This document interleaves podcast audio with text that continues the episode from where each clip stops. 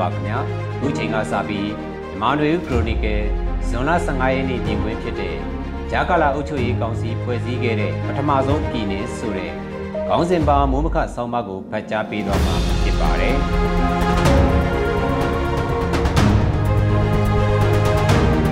ဆောင်းပါးမှာတော့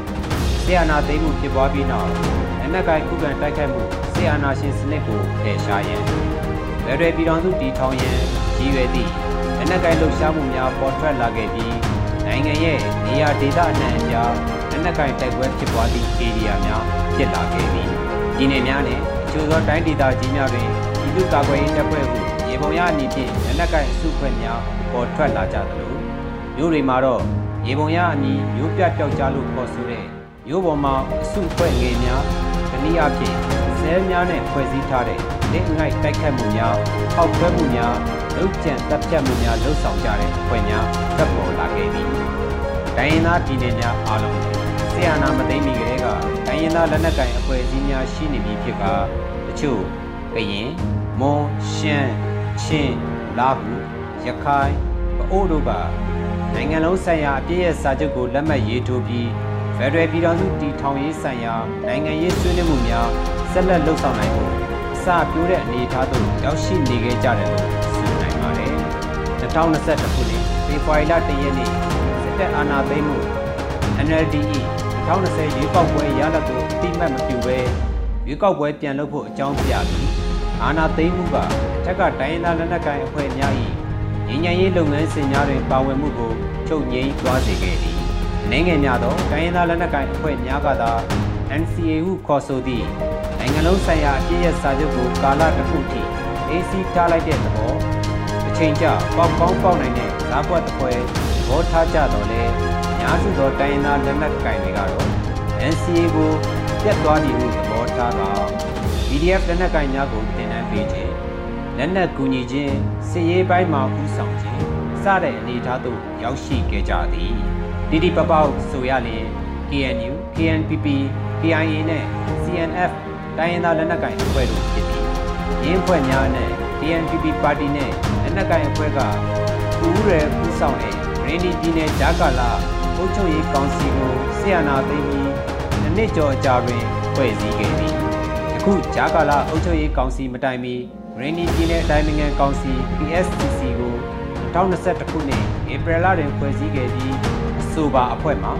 ခုဂျာကာလာအုပ်ချုပ်ရေးကောင်စီပေါ်ထွက်လာဖို့လှုံ့ဆော်ခဲ့ခြင်းဖြစ်တယ်လို့နင်းဖော်ပြမှုများအရယူဆရသည် ဂရင်းနီဒေတာတွင်ဆီယနာမသိမီဒီကလက်နက်ကိုင်အဖွဲ့၃ဖွဲ့ရှိပြီး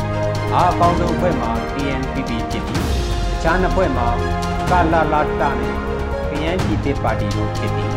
ဆီယနာသိပြီးနောက်တွင် KNDF အဖွဲ့တဲ့ထပ်မံပေါ်ထွက်လာပြီးအခုအခါ KNPP နဲ့လက်တွဲလှုပ်ဆောင်နေတဲ့အဖွဲ့ဖြစ်သည်ဆီယနာသိပြီးနောက်ပေါ်ထွက်လာတဲ့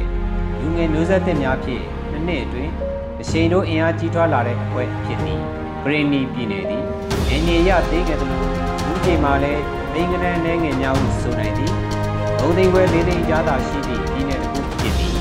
တို့ရတွင်တောင်ဘက်တွင်ဂရင်းပြည်နယ်နောက်ဘက်တွင်ဘိုးတိုင်းနှင့်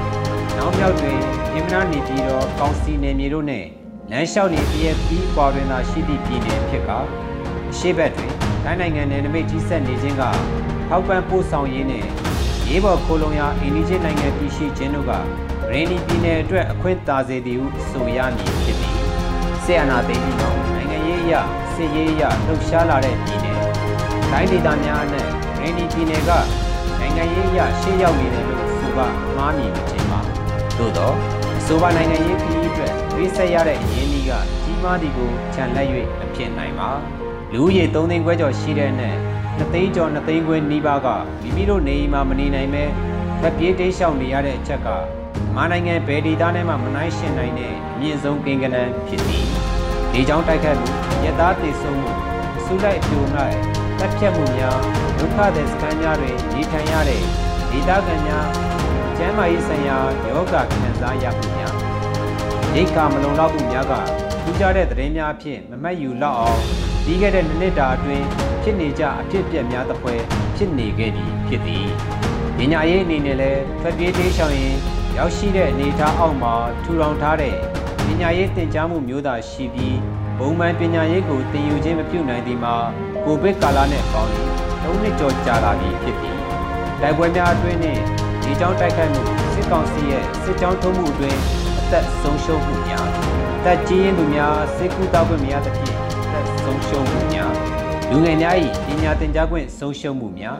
စားသည့်တန်ဖိုးများကတိုင်းတာရန်ထက်ခဲသည့်တန်ဖိုးများဖြစ်ပြီး ခုဖွဲ့စည်းလိုက်သည့်ဂျာကာလာအုပ်ချုပ်ရေးကောင်စီအနေနဲ့